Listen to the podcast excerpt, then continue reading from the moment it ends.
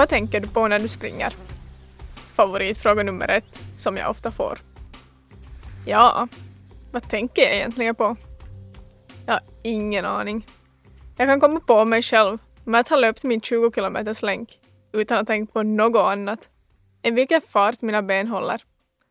Att jag ska lägga en fot framför den andra och kontemplera den största frågan under länken. Ska jag svänga höger, vänster eller ska jag fortsätta rakt? En sorts intränad monoton terapi. Vänster, höger, vänster. Jag heter Camilla Rickardsson och jag är er sommarpratare idag. Jag heter Camilla Rickardsson och jag är proffsidrottare på långdistanslöpning. I fjol deltog jag i VM i Peking och i år siktar jag på att kvala till OS i Rio de Janeiro. Jag var sju år då jag började friidrotta.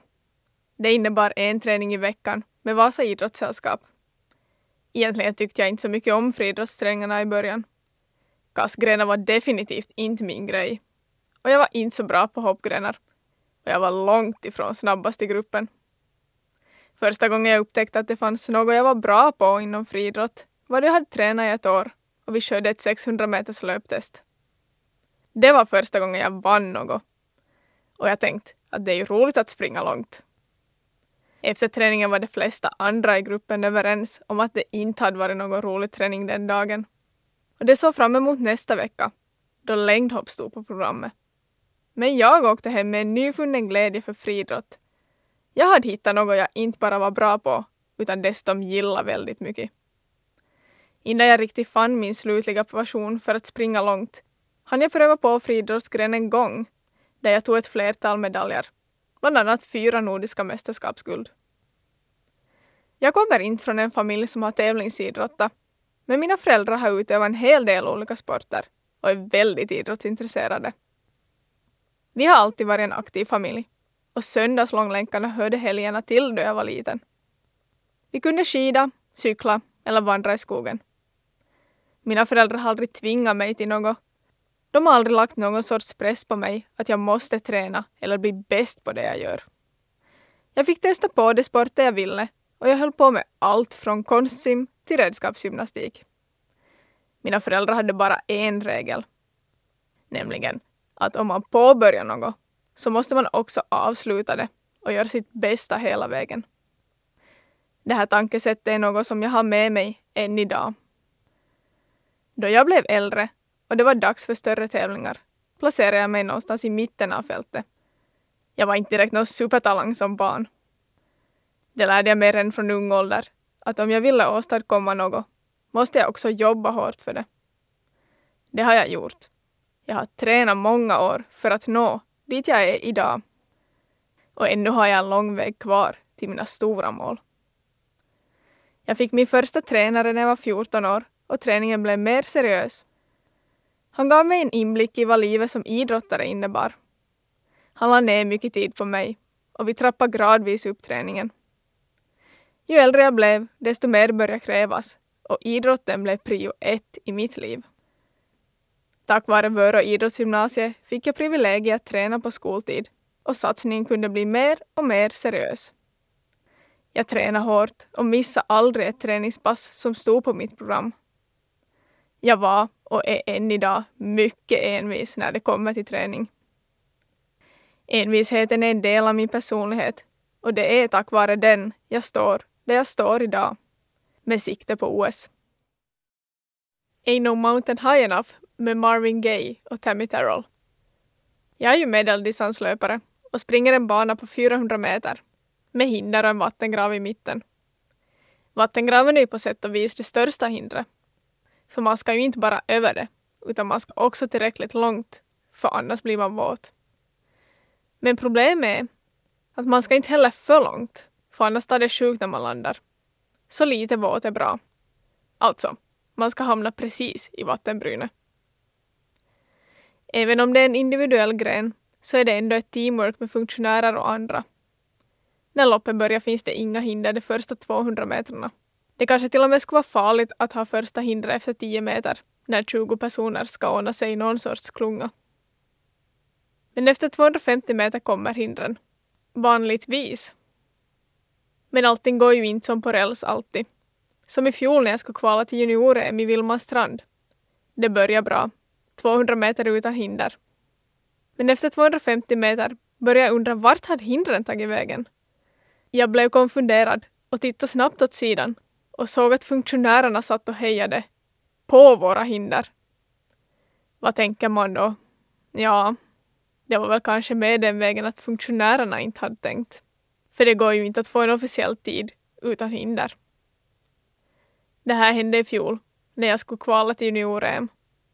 Så fastän jag var i bra form så gick det ändå inte att räkna tiden fastän jag klarade kvalgränsen med en halv minut.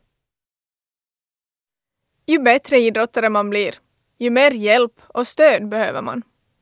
Jag har ett stort nätverk runt mig bestående av bland annat tränare, massörer, kostrådgivare och alla mina idrottsvänner.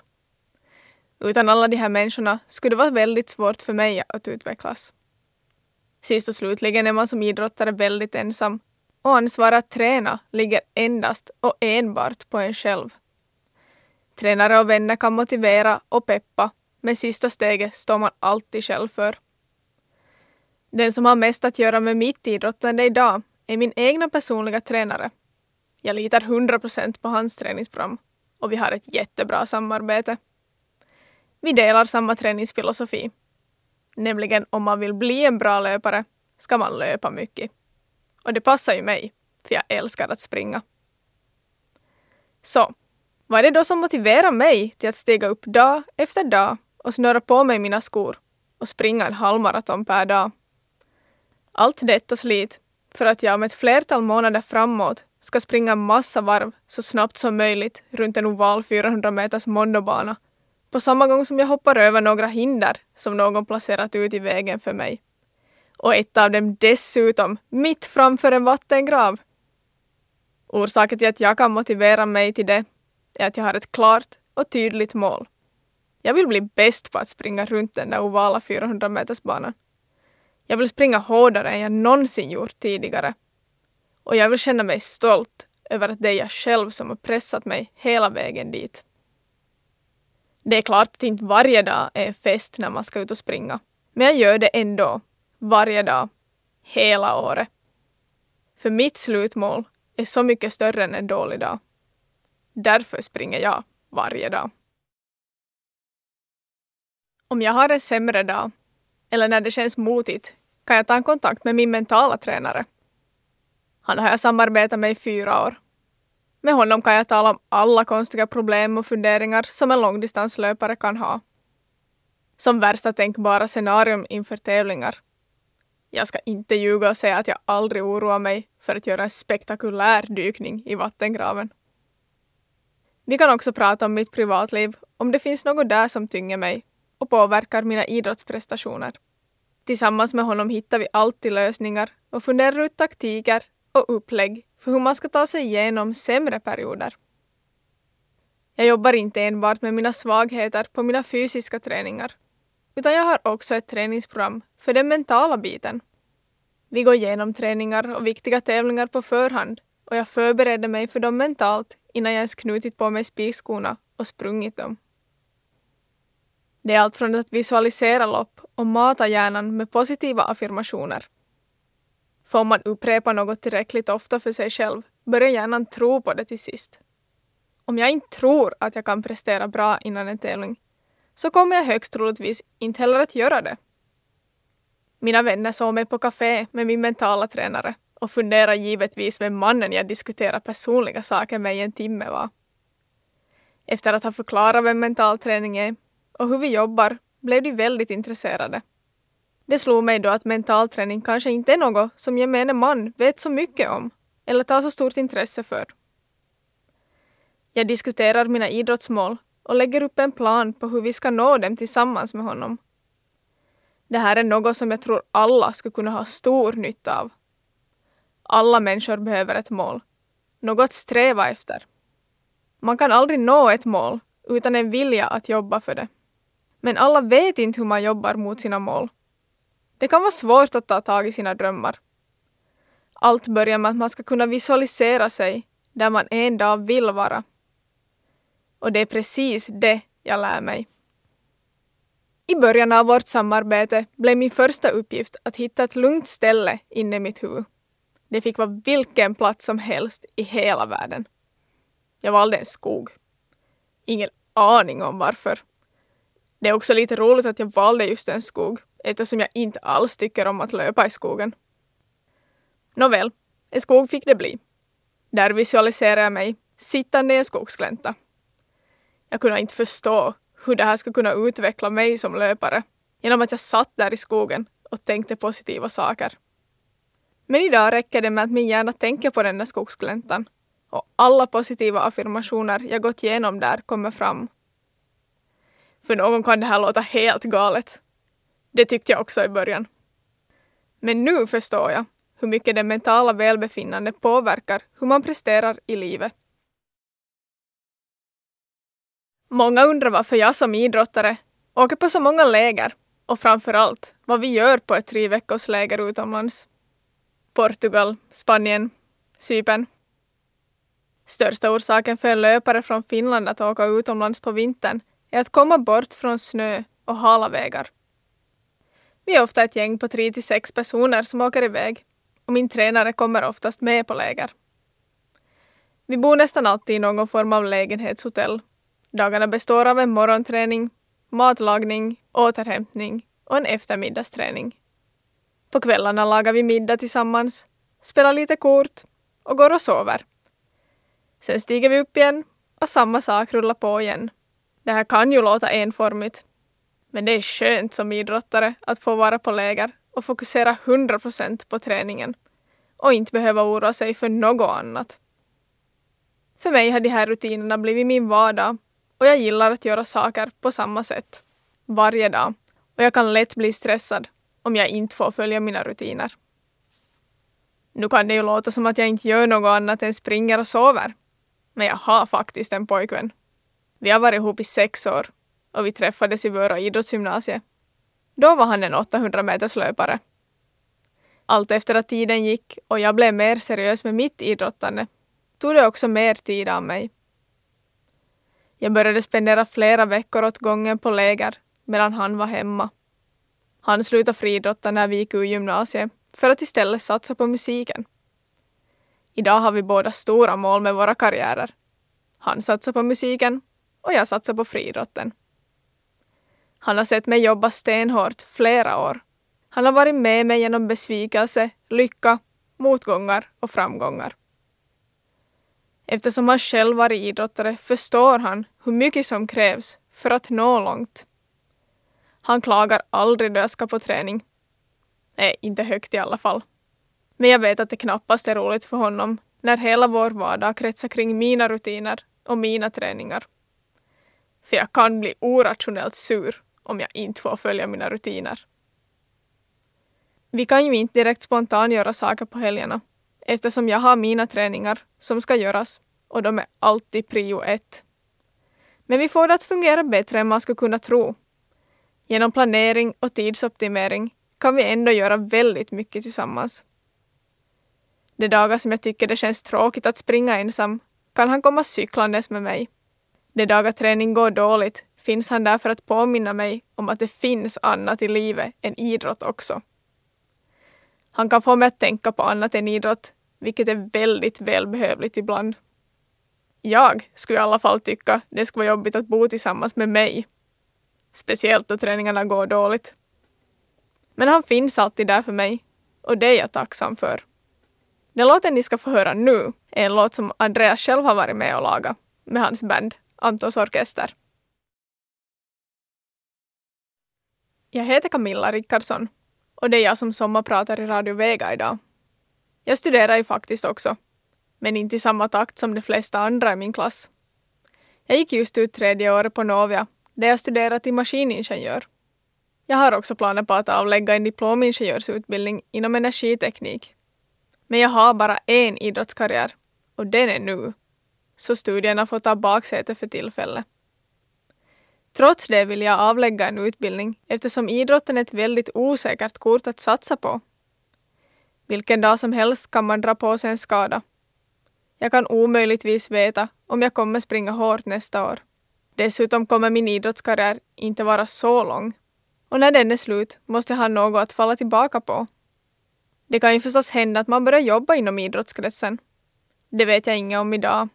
Och för tillfället lever jag i nuet och oroar mig inte för framtiden. Det som kommer, det kommer, oberoende om jag är förberedd eller inte. Det glamorösa livet, som kanske förknippas med idrott, är långt ifrån vad man skulle kunna tro. De snygga, vältränade och snabba kropparna är inget som uppstår en vecka före de stora häftiga tävlingarna. Det är resultat av många års disciplinerat arbete. Som toppidrottare har man inte dagar då man inte är idrottare. Jag är en idrottare 24-7, vilket betyder att allt är viktigt och allt ska göras rätt. Fastän en idrottare gör allt rätt varje dag i flera år är det ingen garanti för att lyckas. Men jag är redo att anta utmaningen och tro på mig själv. Att jag en dag kommer bli en stor idrottare. Det här var låten Human med John McLaughlin.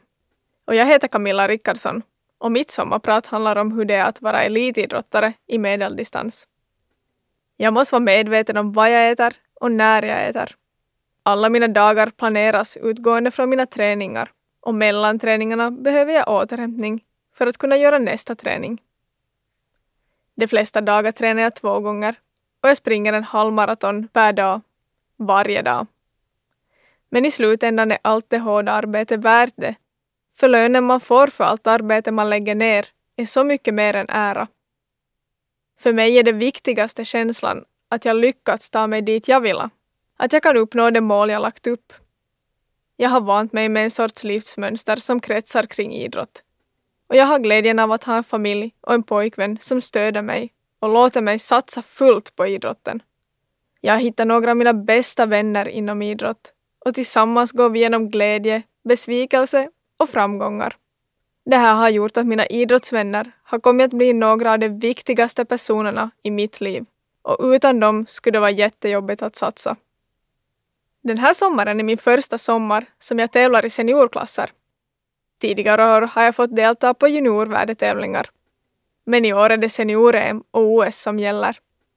I skrivande stund har jag precis klarat EM-gränsen och när ni hör det här har EM redan gått av stapeln. Och jag sitter förhoppningsvis i Rio de Janeiro och förbereder mig för min OS-debut. För det är mitt mål i sommar. Att kvala till OS. Sommaren 2014 hade jag bestämt mig för att kvala till Europeiska mästerskapen i Zürich. Under tre lopp den sommaren missade jag gränsen med en sekund. En ynklig sekund när man löpt 9 minuter och 56 sekunder. Jag var förkrossad över att ha missat mitt mål. Men istället för att bli knäckt över mitt misslyckande använde jag mig av den känslan för att orka genom ett helt år av stenhård träning. För mitt mål var klart för sommaren 2015. Jag ville bege mig till Beijing för att löpa världsmästerskapen. Men historien skulle komma att upprepa sig och jag fann mig återigen i situationen att jag missade kvalgränsen med en sekund. Men sommaren 2015 skulle ändå komma att bli min bästa sommar hittills. Jag placerade mig fjärde på EM för 22-åringar och var snubblande nära en medalj. Dessutom blev jag lyckligtvis uttagen att löpa världsmästerskapen i alla fall och jag fann mig på ett flyg mot en tävling jag drömt om sedan jag var 12 år. Då gick världsmästerskapen av i Helsingfors och jag såg min största idol, Tironesh Dibaba, vinna ännu ett VM-guld. Väl framme i Beijing kunde jag inte annat än att bli starstruck. Alla mina idrottshjältar och alla idrottsstjärnor man ser på TV gick runt på hotellet som vilka andra vanliga människor som helst. Vid en middag på hotellet kom jag på mig själv med att blicka ut över alla idrottare som satt i matsalen. Ett helt rum fyllt med människor som dedikerar sitt liv till friidrotten. Som jobbar stenhårt varje dag för att nå sina mål. Som prioriterar friidrotten framom allt annat och som lever för det de gör. Vilken magisk plats för en 21-årig tjej från Vasa att få vara på. Efter några veckors tränande och förberedande i Hongkong i Kina var det då äntligen dags. Dags för min VM-debut. Proceduren före tävlingen var som vilken annan tävling som helst och vi blev kallade till callingrummet. Rummet där man byter till spikskor och där man ofta är väldigt nervös. I rummet stod jag och de 14 andra tjejerna som skulle springa mitt hit.